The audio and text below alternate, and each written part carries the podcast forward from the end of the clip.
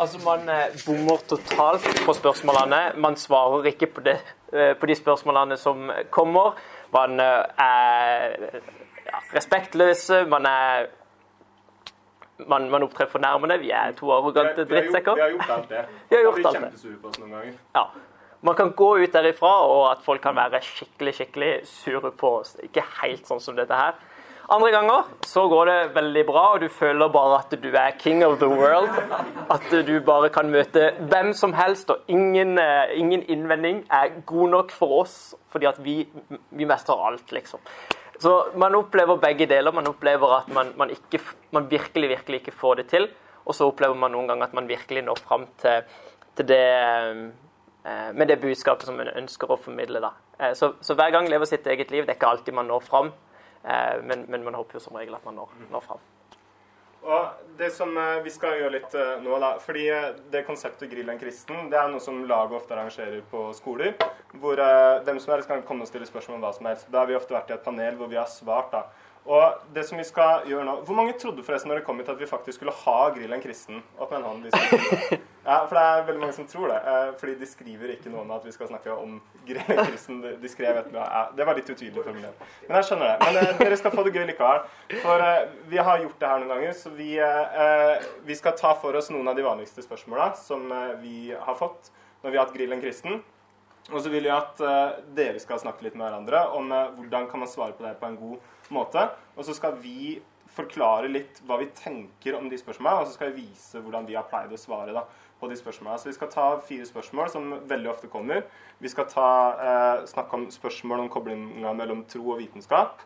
Vi skal snakke om det problem, og så skal vi snakke om eh, homofili. Og så skal vi snakke om hvordan kan vi kristne mene at vi har rett, og at andre tar feil. Og Det er litt sånne brede kategorier av spørsmål som vi veldig ofte får. Og jeg tenker at For dere da, så kan det være utrolig nyttig også å bare få litt sånne der korte stikkord. Hva kan man egentlig svare da, på veldig vanlige spørsmål? Og Det er ikke bare i en sånn grill en kristen-setting man kan få bruk for det, men i en hvilken som helst samtale med folk. da.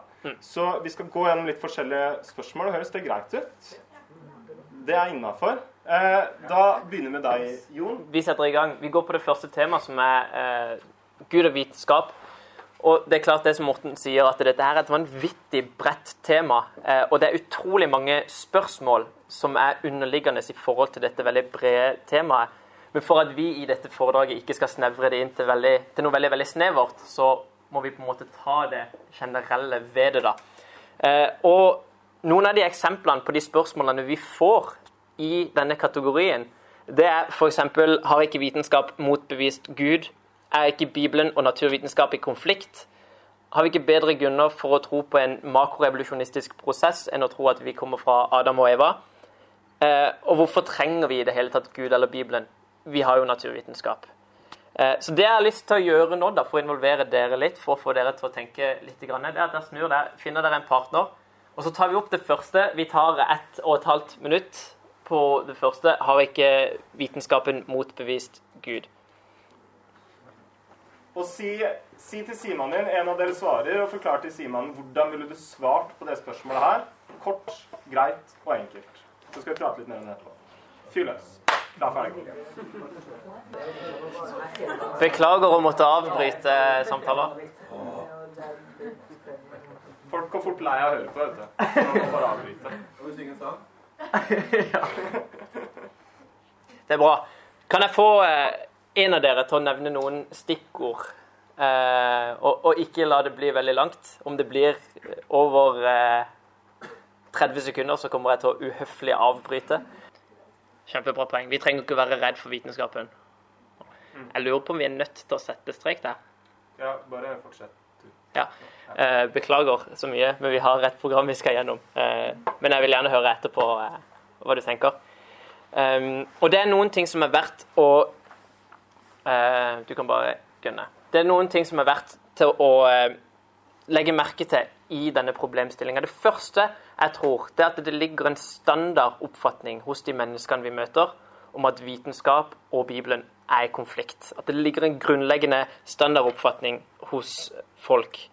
Um, og at eh, folk føler at uh, på et punkt så er de nødt så blir de tvunget da, til å ta et valg Pga. dette så føler folk at de er nødt til å bli tvunget til å ta et valg eh, mellom Bibelen og mellom naturvitenskap. Og Det syns jeg er utrolig utrolig trist. Folk som har f.eks. vokst opp i kirka da, og blir etter hvert tvunget eller de føler at de blir tvunget til å, å, ta et valg mellom å tro på Bibelen eller å tro på det naturfagsboka sier.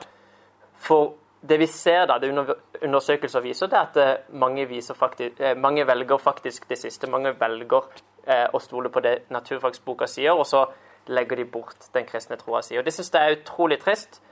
At folk føler at de blir tvunget til å ta et valg som man i bunn og grunn ikke trenger å ta. Jeg tror faktisk ikke at det å velge mellom Bibelen og naturvitenskap at det er et reelt valg vi mennesker er nødt til å ta fordi at de harmonerer perfekt med hverandre. Det er min påstand.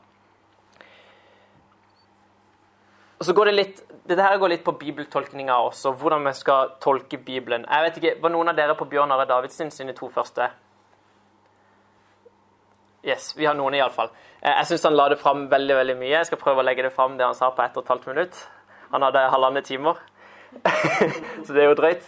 Eh, men, men jeg syns eh, han la fram en veldig veldig god sak for dette her. Og en, en professor i matematikk ble en gang spurt. Han heter John Lennox. Mange av dere har kanskje hørt om han. Han ble spurt Do you take the Bible literally? Og så svarer han I take the Bible seriously. Jeg syns det er et vanvittig godt svar. At eh, han tar Bibelen så alvorlig at han velger å legge ned innsats i å tolke den rett. Jeg mener det at om du virkelig har respekt for noen, eller noe, så legger du ned en innsats for å prøve å forstå det rett. Om jeg virkelig har respekt for Morten Marius, noe jeg har, så gjør jeg en innsats for å prøve å forstå Morten Marius på det best mulige måte. Ofte så er det vanskelig, Du er et stort mysterium. Nei. Ja. og det samme gjelder Bibelen. At om man har respekt for Bibelen, så mener jeg at man bør legge ned en innsats til å kunne forstå alle bøkene, eller ja, gjøre det beste da, på å forstå dem i sin form, i sin sjanger, i sin kontekst. Og ut ifra disse tre tingene så har det vært en bred enighet helt tilbake igjen til Augustin på, på 400-tallet. Helt fram til, til, Akinas på 1200-tallet, til Luther på 1500-tallet og, på, og eh, Calvin på 1500-tallet. Om at Bibelen, skapelsesberetninga, den skal umulig bli tolka som en natur, eh, naturvitenskapelig dokument. Men pga form, sjanger og kontekst, så skal den bli lest på som en slags poetisk bok som sier mer om hvem som står bak, enn nøyaktig hvordan ting har skjedd, sånn som vi vil finne da, i naturfagsbøker. Eh, og det er, en, det er, en, veldig viktig ting å, eh, å, få med, da, at man trenger ikke å lese skapelsesberetninga som, som et naturvitenskapelig dokument, fordi den hevder ikke å være det. Eh, vi går videre. Noe av det som jeg tror at har forårsaka denne standardoppfatninga som mange har, om at Bibelen og naturvitenskap er i konflikt, det er denne myten om at den ivrigste motkjemperen av eh, naturvitenskap gjennom historien har vært kirka. Og her kan jeg bare si med en gang dette er kjempemyteomspunna. Jeg syns at, eh, at uh, Bjørn Are brukte halvannen timer på å virkelig avfeie de mytene.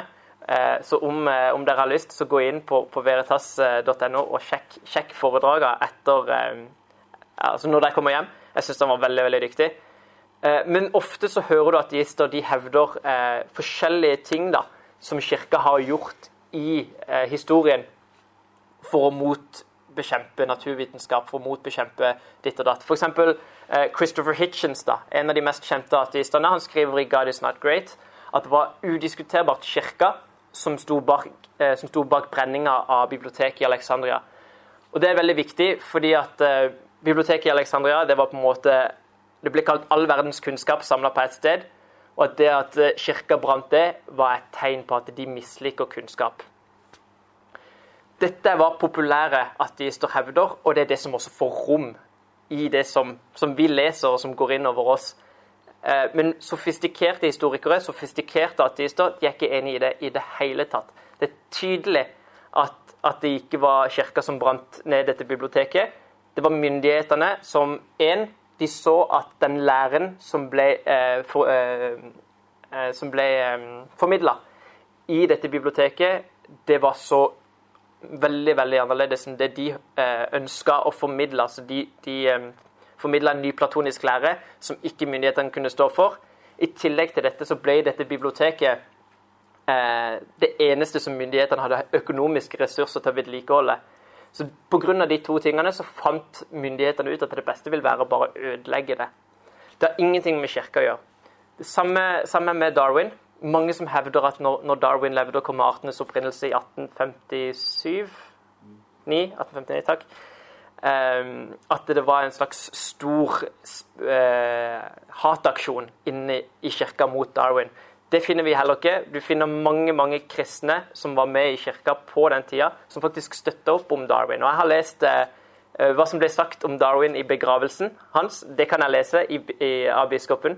Han har også fått eh, den fineste gravplassen av, av alle på, på, gravstedet uh, på det området. Så det, det, er ingenting som tyder på at kirka har hatt noe, noe stort hat for Darwin.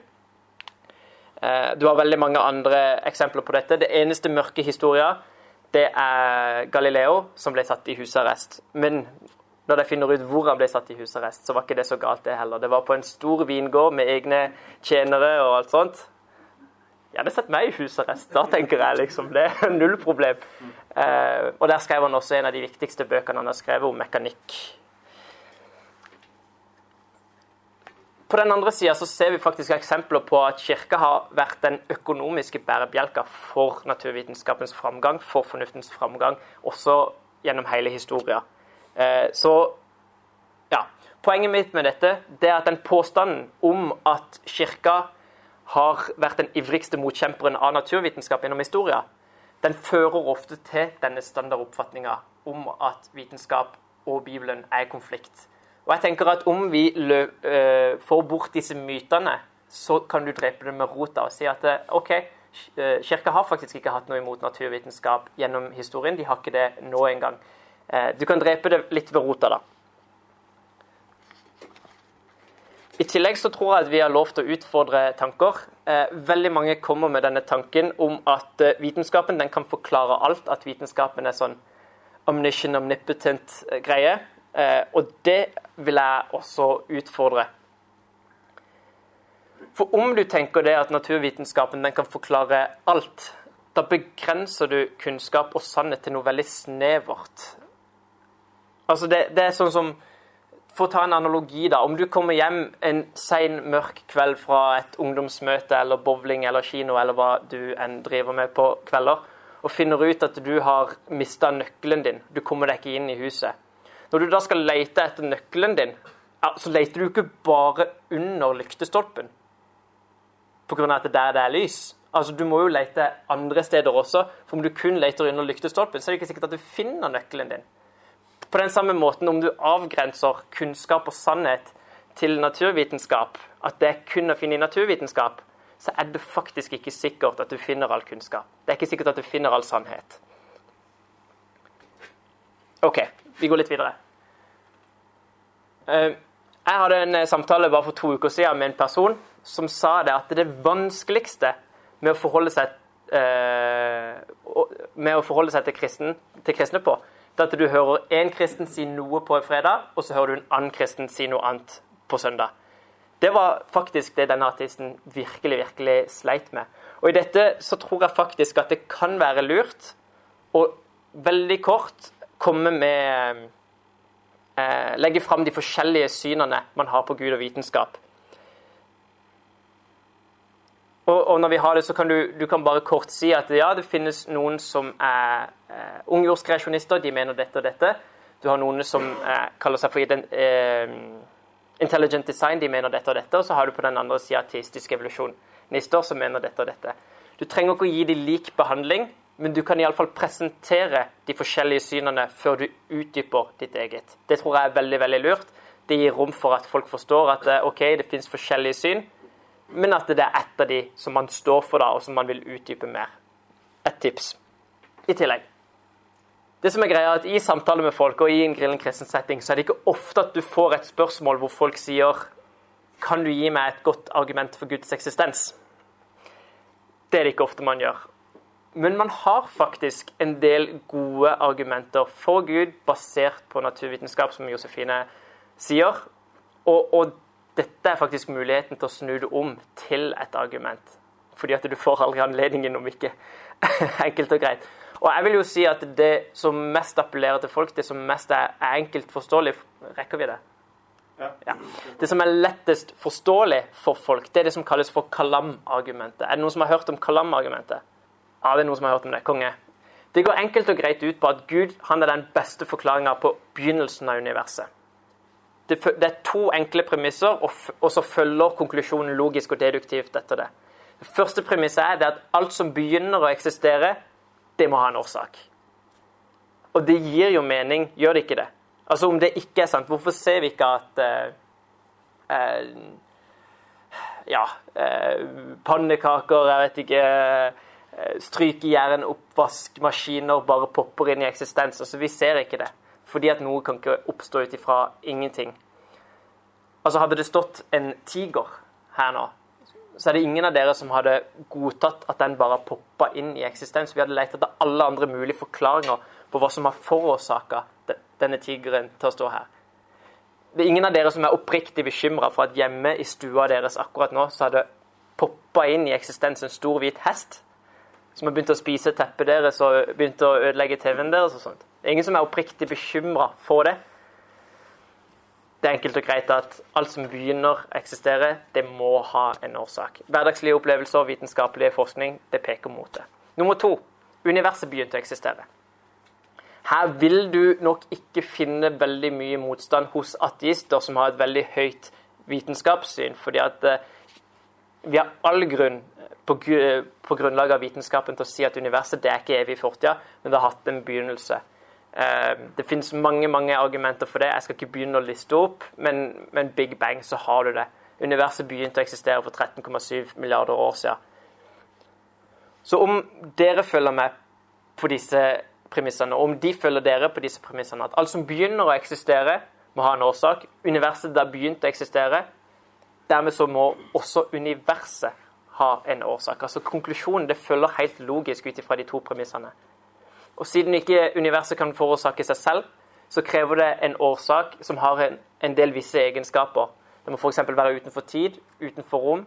Det må være uskapt, det må være evig. Det må være i stand til å lage universet, og det må være vanvittig mektig.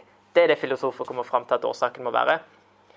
Og jeg syns jo at disse ordene er veldig, veldig ja, De passer veldig, veldig godt med den bibelske Gud. Og dermed har du faktisk et ganske godt argument for Guds eksistens. Jeg har ikke hørt noen, eh, noen, eh, noe motargument som har overbevist meg enda. Eh, Og det er veldig lett å forstå, det er logisk. Folk er med på det. Så om vi klarer å snu det til et argument, så er det fantastisk bra, det også. Eh, og nå, Jon, nå har jo du sagt litt sånn der rundt som kan være greit for oss å ha i bakhuet når vi får spørsmål. Men du ville jo ikke svart så langt hvis du hadde fått det spørsmålet. Nei, da hadde nok ikke folk hva, tenkt hva hadde du tatt med hvis du skulle tatt med et sånn skikkelig ordentlig kjempekort svar? Da hadde jeg tatt med disse tingene. Først og fremst så ville jeg avslørt de mytene eh, om at det er faktisk ikke sånn at kirka har vært den ivrigste motstanderen av eh, naturvitenskap eh, i fortida, i historien. Så ville jeg presentert de ulike synene, eh, forklart litt om, om de forskjellige synene. Det innebærer ikke at du må gi dem lik behandling. Du kan utdype, og du bør utdype ditt eget syn etter det. I tillegg så ville jeg utfordre synet på naturvitenskap. Den kan ikke forklare alt. Det finnes andre kilder til sannhet enn naturvitenskap. Og så vil jeg avslutte med å, presentere et argument for Gud, basert på naturvitenskap. Ok, veldig bra. Skal vi bytte plass? Skal vi bytte plass? Ja, vi får bytte plass. Ehm, vi tar og samler opp liksom spørsmål helt til slutt, eh, tenker jeg. Men jeg skal si litt om eh, det ondes problem. For jeg har aldri vært i en sånn her setting hvor folk har stilt spørsmål om kristendom, hvor ingen har tatt opp det ondes problem. Og eh, hvis jeg skal formulere sånn som det her, da, altså hvordan kan det finnes en god og allmektig Gud når det er så mye lidelse og så mye vondt og så mye ondt i verden? Og vi gjør det samme som i stad. Kan ikke dere ta og snu dere til hverandre? Og så skal dere gi et, eh, det beste svaret du har på det spørsmålet. Hvordan kan Gud finnes når det er så mye lidelse i verden? OK, kan jeg få noen eh, stikkord? Hva, hva ville dere svart hvis dere skulle gitt meg et par stikkord? Opp med en hånd. Fri vilje. OK. Eh, jeg skal litt inn på det seinere. Hva ville du svart? Eh, at én ting er det som vi gjør mot hverandre, da kan vi liksom skylde oss sjøl, men naturkatastrofer ser det ikke ut som noen har så veldig stor skyld i at det var noen som trykka på liksom orkanknappen, så mange mennesker døde. Eh, ja, veldig bra. Eh, ville dere svart annerledes på spørsmålet hvis dere visste at den personen dere prata med, har opplevd å, å, miste sin mor i kreft for kort tid siden, eller hvis det er en person som har opplevd liksom utrolig vonde ting i barndommen sjøl? Altså, ville dere svart annerledes da? Hvis dere visste noen sånne ting på forhånd? Det er et veldig vanskelig spørsmål. Og når jeg stiller det spørsmålet, så er det egentlig bare fordi eh, det er så personlig spørsmål. Eh, alle mennesker opplever lidelse i løpet av livet sitt bare fordi alle opplever at folk rundt dem dør. Så her må man ha skikkelig tunga rett i munnen. Altså. Og så er jeg ikke helt sikker på om i en liksom der, eh, situasjon hvor du snakker med noen som har opplevd noe vondt, at det riktige er å liksom buse på med Øy, det der er jo kjempelett. Her har vi et svar på det spørsmålet. Klapp på skulderen, det går nok fint. Eh, altså Det fins eh, situasjoner hvor det er bedre sant, å ta en ordentlig prat, hvor den personen kan få fortalt. Det er ikke alltid det er liksom det klokeste å dundre løs med et sånt stort teoretisk svar. Men når det er sagt, så er det utrolig viktig at vi også tar for oss det spørsmålet her. Fordi herlighet eh, Tenk, da. Vi sier at Gud, han er god. Skikkelig god. Eh, det fins ingenting vondt i Gud. Gud han vil ikke at det skal skje vonde ting. Og så sier vi at Gud han er allmektig. Det betyr at Gud han kan jo gjøre noe med vonde ting. Og så ser vi en verden hvor vi opplever lidelse, ting som er helt forferdelige. Hvordan kan det gå i hop? Og vi kristne, eh, hvis vi skal vise at det vi tror på, er sant, så kan vi ikke gjøre sånn her. Og bare lukke igjen øya for virkeligheten rundt oss. Men vi må se på hele virkeligheten, ta den fullt og helt på alvor og vise at det kristne livssynet har gode svar i møte med livet. Og det er utrolig viktig. Og jeg har tenkt litt på det. Altså, Hvorfor er det spørsmålet her så populært? Veldig mange har stilt det spørsmålet her opp igjennom. Hvorfor er det så vanlig at folk liksom, når de hører at du er kristen, så ja, hvorfor er det så mye vondt i verden? Det kommer nesten med en gang. Hvorfor er det så vanlig? Og det er egentlig litt det her at uh, hvis det er sånn at Gud er god og allmektig, og det er så mye lidelse, så ser det ikke ut som om Gud virker så veldig bra. Altså, Det er ikke Gud så veldig flink til å gjøre jobben sin. Og når man opplever ting sjøl, motgang, tøffe ting eh, Man ber kanskje til Gud, og så opplever man at ja, men det funker jo ikke. Eh, det skjedde vonde ting likevel. Og jeg tror veldig mange har en litt sånn der idé om at Guds jobb det er å være menneskets gode hjelper, som passer på at mennesker har det greit. Og da er det ikke så rart at vi får problemer med en gang det skjer vonde ting i livet. For da ser det ikke ut som om Gud virker. Og jeg tror det er utrolig viktig at vi gir gode svar på dette spørsmålet. At vi kan snakke godt og ærlig om det. Eh, men det er litt sånne tanker rundt da, hvis jeg skulle gitt et svar på det her i en litt sånn kjapp og kort setting så, så, er det noen ting som jeg ville tatt med.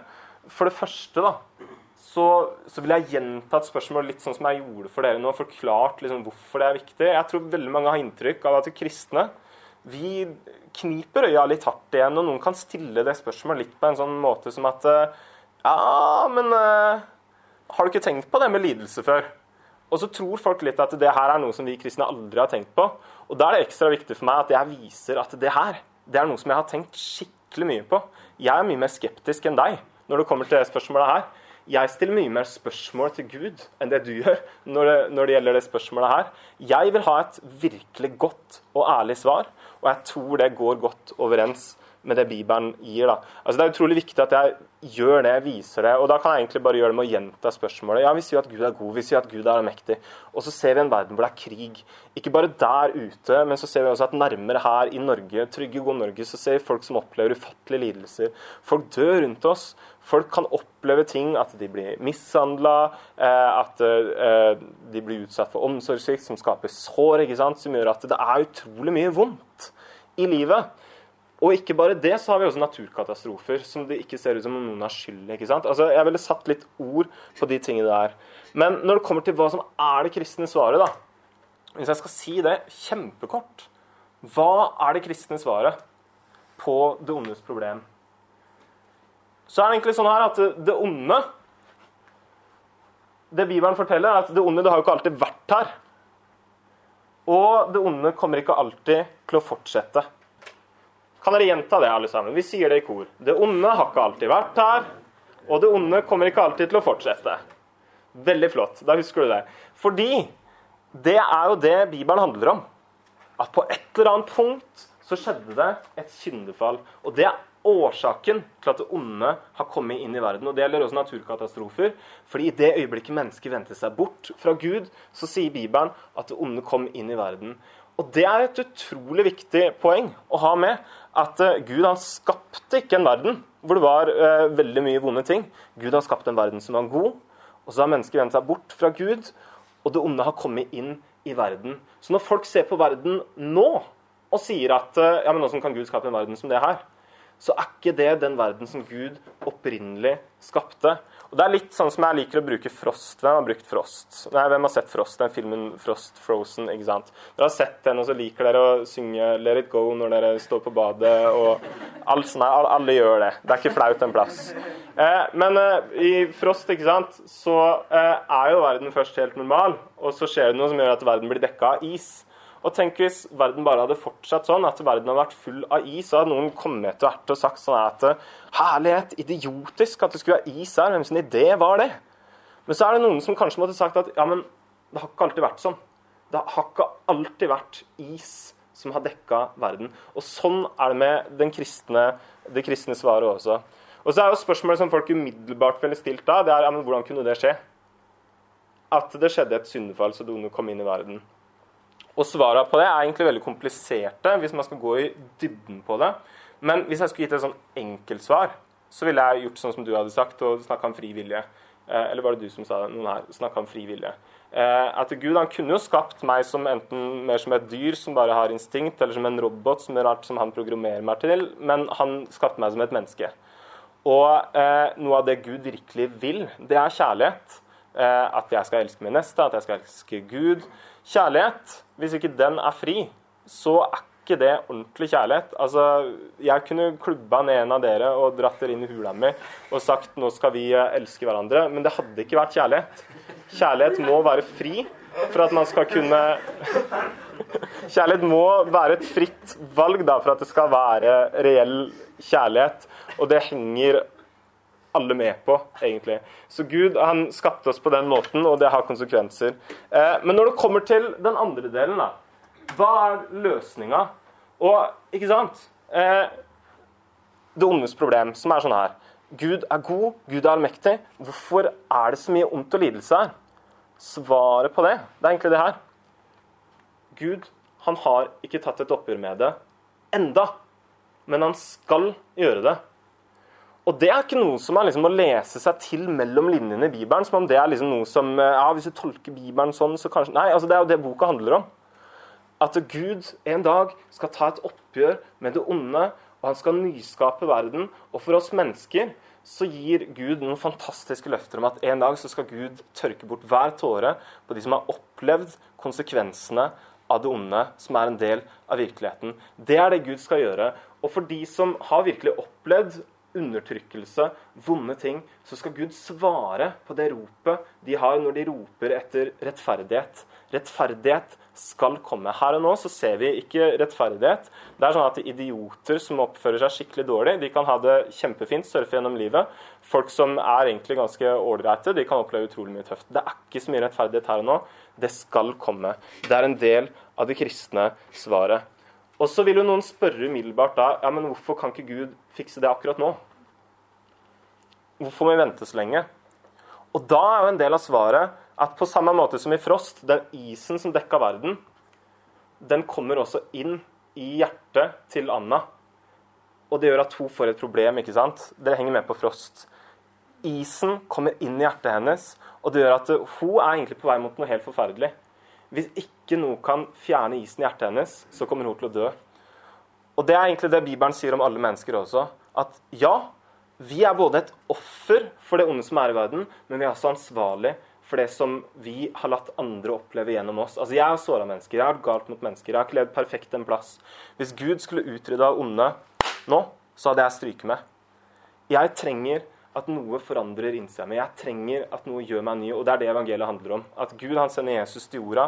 Jesus først så tar han skylden for alt det gale jeg har gjort. Deretter så står Jesus opp igjen fra døden, og på samme måte som Jesus sto opp igjen til et nytt liv, så blir jeg også ny når jeg tar imot Jesus og tar imot tilgivelse. Det er derfor Gud venter, fordi han vil at så mange som mulig skal bli frelst. Sånn at når Gud skaper verden på ny altså Han kan ikke slippe løs meg der, sånn som jeg er nå. Gå rundt og slappe folk i trynet og såre folk og sier utrolig dumme ting til folk. Sånn kan det ikke være når Gud skal lage en god verden. Det må han ta et oppgjør med først, for at jeg skal passe inn der. Så det ondes problem, kort oppsummert Bibelen har utrolig gode svar på det. Eh, og den kristne fortellinga gir veldig gode svar. Og når det er sagt, så vil jeg også utfordre litt videre på hva med de som ikke er kristne, altså det onde, lidelse i verden. Alle mennesker må forholde seg til det. Hva er ateismens svar? Hva er andre livssyns svar? Så kunne jeg gått litt inn på det. Eh, jeg har ikke tid til det nå, men eh, ateismen har ikke noe bedre svar. Har du tenkt på det? Har du spurt ateistkompisen din ja, hva er ditt svar da? på lidelsen i verden? Hva er ditt svar på det onde? Kan du si at noe er ondt i det hele tatt? Hvem bestemmer hva som er ondt? Er det dine personlige følelser, eller finnes det en sånn lov om at noe faktisk er ondt? Eh, og hvis du fjerner Gud, så fjerner du også det eneste som gjør at det er mulig å skille mellom godt og ondt. Du kan egentlig ikke si at noe er ondt hvis du er ateist. Da blir det enten bare dine personlige følelser, eller at er vi mennesker vi har blitt enige om at det er ondt. Eh, så jeg liker å utfordre på det også. Yes. Jeg ville svart kortere i en sånn setting, men nå er det litt for å forklare hvorfor jeg svarer som jeg svarer. Syns dere det er greit å høre på? Skal vi ta en til? Ja. Jon? Jeg vil bare legge til at det er så utrolig viktig å være menneskelig i de, eh, i, i de settingene. Altså, det er et spørsmål som ofte kommer. Ofte så ligger det et eller annet bak spørsmålet. Eh, jeg kan komme med med et eksempel fra eget liv. Eh, for et par år siden, det er vel halvannet år siden, så ble jeg sittende ganske lenge med en etter en grilling kristen, hvor han bare ikke kunne forstå dette her med noens problem. Og han, han bare kunne ikke skjønne at hvordan Gud kunne være god og allmektig når det finnes så mye ondskap i verden. Og Istedenfor å komme med en sånn veldig veldig fiks, kjapt, fiks, ferdig svar, som kanskje hørtes intelligent ut, så, så begynte jeg å spørre han litt. Hva tenker du når du tenker på ondskap? Har du noen eksempler på ondskap? To minutter ut i samtalen så kom det fram at han nettopp hadde mista mora si i kreft. Derfor samtalen en helt annen vending. Så ikke hopp på det der intellektuelle, kjappe, fiks ferdige svaret med en gang, men faktisk se personen som stiller det. Se det som, står, eh, som, som ligger bak spørsmålet. For det kan ofte være en del emosjonelle ting som ligger bak. Det var bare for å avslutte, avslutte den. Vi, vi går videre på eh, på eh, et nytt tema. Et tema som jeg syns er kjempespennende å snakke om. Og det går på dette her med andre religioner. Altså, det finnes så utrolig, utrolig mange religioner her i, eh, i eh, verden, og også så blir disse her samla, til og med i Norge. Vi har også mange forskjellige livssyn, forskjellige religioner i Norge. Og da er spørsmålet hvordan kan du vite at du har sannheten? Hvordan kan du vite at dette her med Jesus er sant? Hvordan kan du vite dette her? Og Dette er også et litt sånn bredt eh, tema, eh, hvor vi også har en del underspørsmål. Og Et av de eh, kan jo være det som står der. Og Hvordan kan dere vite at dere har sannheten? Det finnes jo andre religioner. Hvorfor er din religion bedre enn andres? Og noen sier at det finnes jo, det finnes jo mange muslimer som virkelig tror. Mener du, at, mener du, da at de tar feil? Det kan være eksempler på spørsmål som man får eh, i dette temaet. Eh, og vi tar, sånn som ja, tradisjon tro, så tar vi også en, en kjapp eh, to minutter hvor det snur deg til sidemannen og, og, diskuterer. Hva, hva ville dere svart om noen spør deg hvordan kan dere si at dere har sannheten? Jeg beklager igjen å uh, avbryte gode samtaler. Jeg hører liksom at det er mange bra samtaler som, som går igjen, og da er det like kjipt hver gang å måtte avbryte dem. Uh, får, vi, får, vi, noen uh, stikker? Korte stikker? ja, at det er veldig godt historisk belegg for, for Bibelen som et, en historisk kilde til hendelser. Den vil heller ikke bli sett på som, som historisk eh, ja, Helt, helt eh, enig i det. Nå, tror jeg du rakk opp hånda. Noen flere som vil si noe? Eller skal jeg At hovedpersonen i de forskjellige religionene mm, At dette er ikke en sånn matematisk greie hvor du kan sette to streker, men at vi, vi kan prate sammen og komme fram til hva har vi hva har vi mest grunnlag for å si at det er sant? Hva har vi best grunner for å si at det er sant? Helt enig. Problemet med dette her i det samfunnet vi lever i dag, det er at man framstår arrogant om man hevder at man har sannheten. Eh, det er, det er det største problemet i det moderne samfunnet i Norge i dag. Eh, og vi lever jo i det pluralistiske samfunnet Norge. Og det er mange forskjellige kulturer, mange forskjellige religioner samla på ett sted. Eh, og det som er så bra da, med samfunnet i Norge, er at det finnes et indre ønske om å kunne leve godt sammen på tross av forskjellige religioner.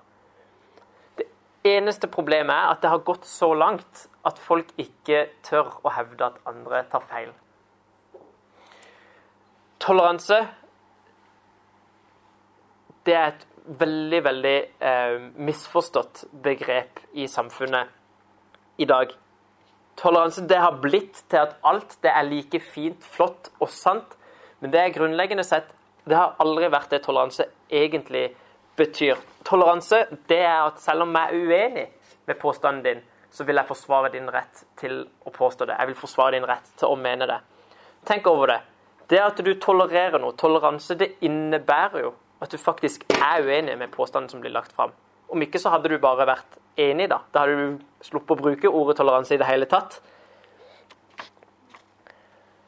Så toleranse det handler ikke om at alt er like fint, flott og sant, men det handler om at man er faktisk uenig i en påstand som blir lagt fram, men fremdeles vil forsvare ens rett til å mene den.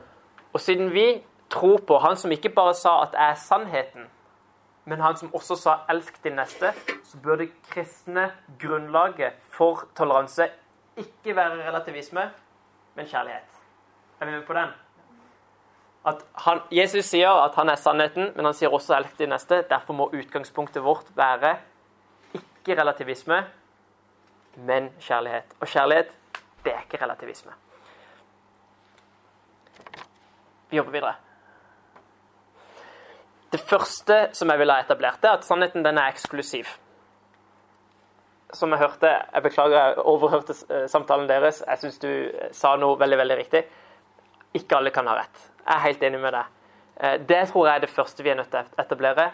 Alle kan ikke ha rett. Ta f.eks. islam og kristendom, da, som er to, ja, de to største religionene som fundamentalt sett er så utrolig ulike og sier så utrolig ulike ting i kjernen av budskapet.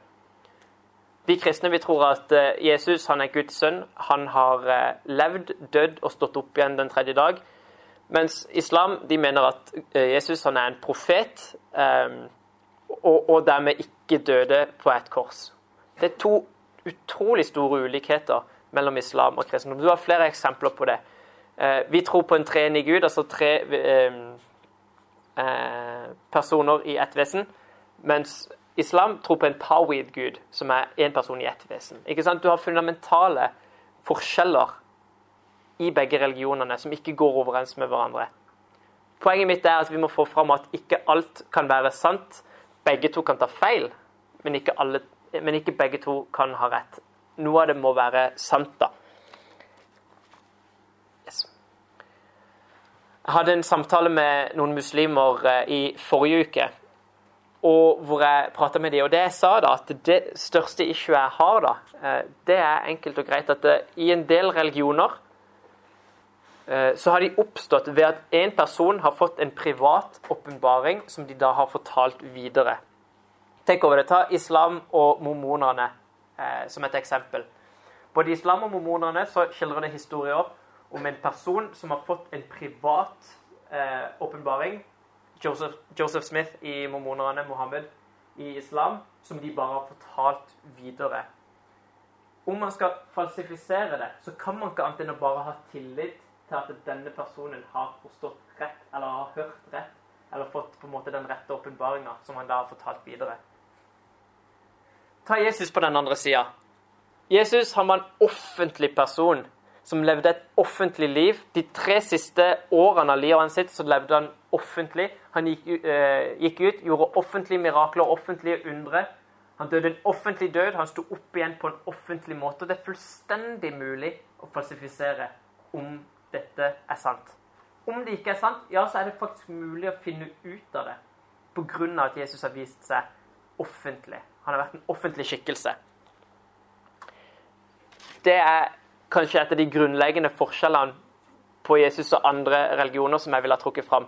Det er noe som er unikt for Jesus. Gud han har åpenbart seg gjennom en offentlig person. Det er faktisk mulig å falsifisere. Det er faktisk mulig å, å teste.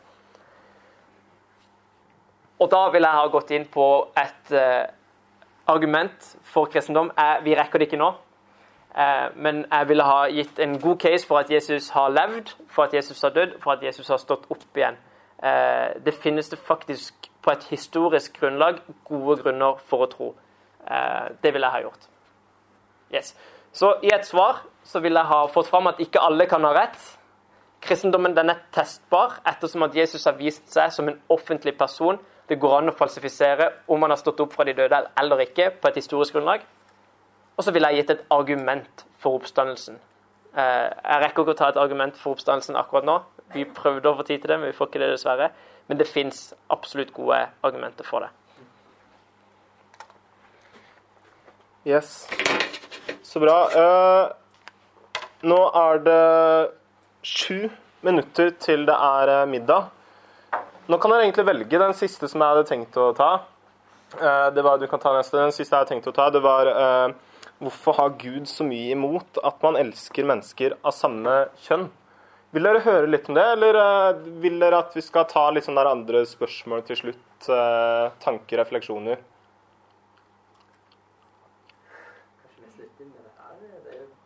Skal vi ta den? Det er interessant, det spørsmålet her, fordi eh, jeg har eh, fått det hver gang vi har hatt Grillen kristen. Eh, jeg tror ikke det har vært en gang det ikke har blitt stilt. Er det min første for to uker siden hvor det ikke ble stilt? Ja. Av alle de gangene. Og, og, her er det så mye følelser involvert. Her er det så mye meninger involvert. Og, og det er så tent da, at det alltid blir skikkelig fyrt stemning når man snakker om det. Og jeg har lurt litt sånn på hvorfor er det spørsmålet her så populært? Hvorfor er det sånn at det her har blitt et sånn fanesak-spørsmål? Og jeg tror på en måte at det er pga. en litt sånn god kvalitet, med, særlig hos nordmenn, eh, eller ja, andre også, men at vi har mye empati. da. Og hvis det er én ting som vi ikke liker, så er det forskjellsbehandling veldig mye av det som vi liksom trumfer gjennom av lover og sånn i Norge, det går på at uh, vi skal bli behandla likt. Og i det spørsmålet her, eh, når det kommer til hvordan se Gud på homofile, eh, så høres det ut, det kan virke som om Gud han forskjellsbehandler mennesker. Og da er det utrolig viktig å svare på, for jeg tror veldig mange, når de ser på kristendommen, så sitter de litt med den følelsen her at jeg kan ikke være kristen fordi jeg er så grunnleggende uenig med Gud. Altså Min rettferdighetssans den bare eh, strider så imot Gud sin. Hvis Gud er en sånn her type som skal la ekteskapet være for noen, men ikke for andre, ja, da vil ikke jeg ha til med han å gjøre. Og jeg tror det er et viktig spørsmål å svare på, fordi mange nettopp sitter med litt den følelsen der at fordi vi liker ikke forskjellsbehandling, fordi det ser ut som om Gud er en sånn forskjellsbehandler, og jeg har andre verdier, så vil ikke jeg ha noen ting med Gud å gjøre. Eh, når jeg svarer på det spørsmålet her, så er det to ting som jeg tenker at er utrolig viktig. Eh, for det første så er det veldig viktig å vise empati sjøl. Vise liksom medfølelse eh, og respekt. Kjempeviktig. Dessuten så er det veldig viktig å være klar over hva er det som er forskjellen da, på hvordan veldig vanlige nordmenn tenker, og hvordan Bibelens syn er. da, Hvordan er det kristne tenker? Fordi de tenker ganske forskjellig. Og eh, Det her ville jeg ikke nødvendigvis tatt med i en sånn svar, men det er greit at vi er litt sånn klar over at vi tenker veldig ulikt om eh, seksuelt samliv. Og eh, mens sekulære, altså ikke-kristne, helt vanlige nordmenn, de kan ofte tenke sånn her at alt er greit så lenge du ikke skader noen. Hva, hva, er det som på en måte skal gjøre at det er galt å elske hvem man vil, så lenge man ikke skader noen. Hvis det er greit for alle, så bør det være greit. Sånn tenker man, og det skjønner jeg utrolig godt. Altså Hvis du ikke tror på Gud Selvfølgelig tenker du sånn. Jeg hadde også tenkt sånn. Men kristentro har et annet utgangspunkt. da. Altså Kristentro sier sånn her at Gud han har skapt mennesket menneske for seksuelt samliv, og det er godt. Det er noe Gud har skapt som er godt. Men det fins en ramme for hvordan det er ment å leves ut. Så det er utrolig stor forskjell mellom hvordan vanlige ikke-kristne tenker, og hvordan Bibelen tenker. Eh, mens Bibelen sier at det fins en ramme, så vil eh, en vanlig sekulær si at det fins ingen annen ramme enn at du må bestemme sjøl hva som er greit for deg, og alt er greit så lenge det er greit for alle.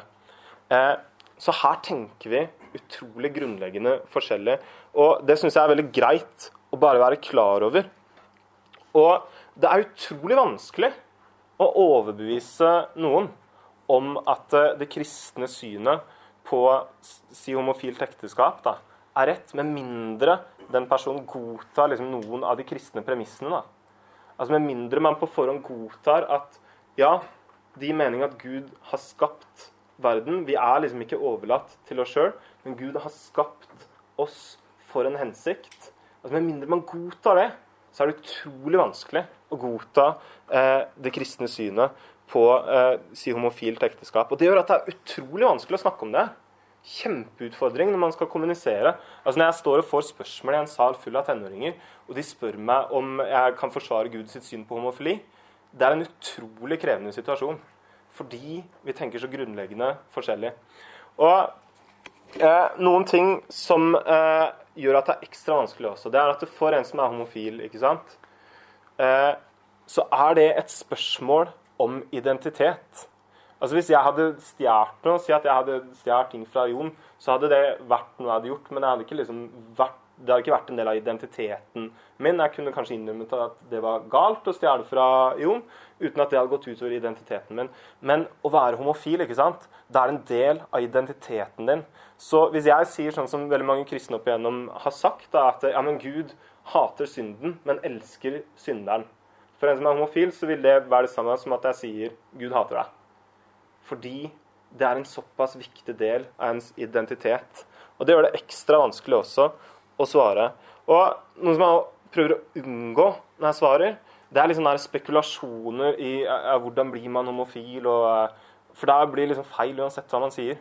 Altså Hvis jeg sier at ja, det skjedde nok noe i barndommen din uff, Det er utrolig frekt å si til noen. Eller hvis jeg spekulerer i liksom, ja, kanskje det har gått noe galt i liksom, biologien uff, Det er utrolig vanskelig å spekulere i. Så det vil jeg bare unngått helt. da. Men ja, Nå er egentlig tida ute, men jeg må bare si liksom kort åssen jeg svarte. Kan jeg få to minutter til? Er det greit? Nikk hvis det er greit. Veldig fint.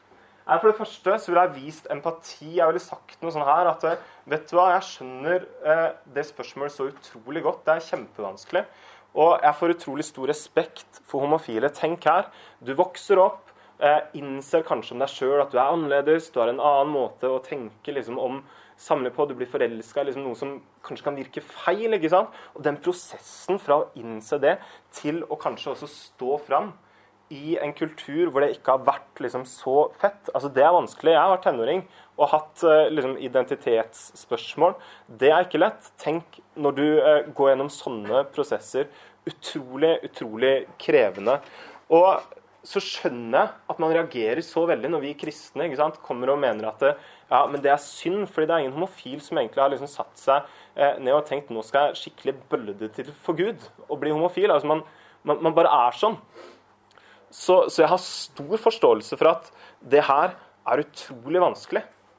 Eh, når kristne mener at homofilt samliv er galt, da, og at ekteskapet bare skal være for kristen, nei, for uh, en mann og en kvinne. Men så vil jeg også gått derfra til å kanskje forklart litt det kristne synet. At eh, altså, Utgangspunktet vårt er at vi tror Gud har skapt verden. ikke sant? Og han har skapt ekteskapet ikke som bare en sånn praktisk greie, men som et uttrykk for hvordan samliv skal fungere. Altså Det er en ramme som Gud har satt, som Gud er, uh, Det er en ramme som Gud har satt, og som er god. Jeg ville sagt litt rundt det. Eh, og så ville jeg spurt et litt mer sånn grunnleggende spørsmål. Hvordan ser Gud på homofile, da?